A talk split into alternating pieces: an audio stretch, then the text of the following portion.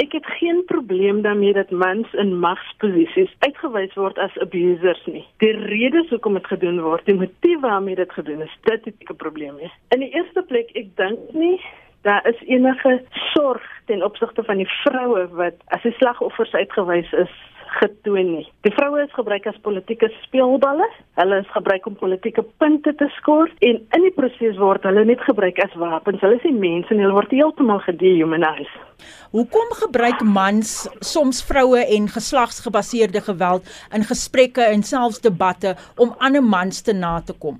Dis 'n politieke spel. Dit is 'n geval van one-upmanship. Jy weet, ek wil wys ek is beter as jy, ek wil wys ek is meer woke as jy. Jy's 'n slegte ou in die geval. Maar daar word regtig kritiek teen geweld uitgespreek. Daar word 'n persoon aangeval en nie 'n kwessie word aangeval nie.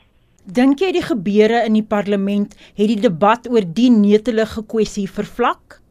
Die debat het absoluut vervlak. Jy weet, ek het eintlik verwag daar's 'n lankal 'n beweging in Suid-Afrika wees toe die Me Too en Times Up die afgelope 2 jaar gebeur het. Het ek gewag dat iets in Suid-Afrika moet gebeur. Dit het nie gebeur nie en dit het ook nie gister gebeur nie. Wat wel gebeur het is dat daar gesprekke gevoer is oor die ou is daai ou en daai ou doen dit, maar die gesprek oor geweld self, hoe geweld teen vroue ingespreek word, hoe dit opgelos gaan word, dit het nog nie gebeur nie. Watter boodskap dink jy stuur hierdie LPs uit na ander manne in ons samelewing wat dit nou sien gebeur op TV? Die eerste boodskap wat hulle uitstuur is dat geweld teen vroue nie ernstig opgeneem word nie. Die vrou is heeltemal 'n bysaak in hierdie kwessie. Dis een manier hoe een man 'n ander man in die hande probeer kry. Daar's geen gevolge vir die mens wat beskuldig word nie. Daar gaan ook verwag ek nie enige gevolge polities of krimineel vir daai mens wees nie.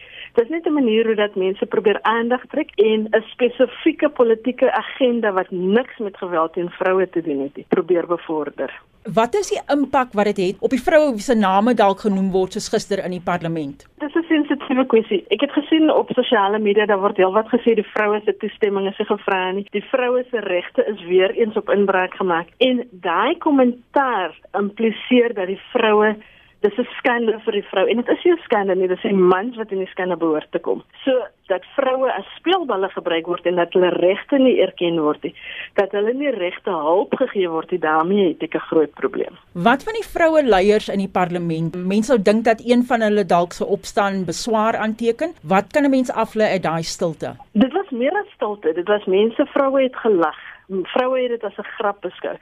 In Suid-Afrika nog steeds as mens van rasisme praat, dan het almal 'n spesifieke standpunt om uit te spreek. Maar as dit gaan oor geweld teen vroue, verkrachting, seksuele teistering, gesinsgeweld, maak nie saak watter area van geweld nie.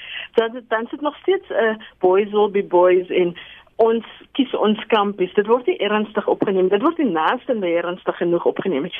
Die vroue se stilte en die vroue se lag is vir my skrikwekkend. Want dit is aanduidend van hoe erg die probleem is dat selfs vroue, meeste van die tyd die slagoffers is, dit nie ernstig opneem nie. Wat dink jy kan 'n mens leer hier uit? Op 'n ligter noot, ek dink jy mens kan Julius Malema oor enigiets ernstig opneem.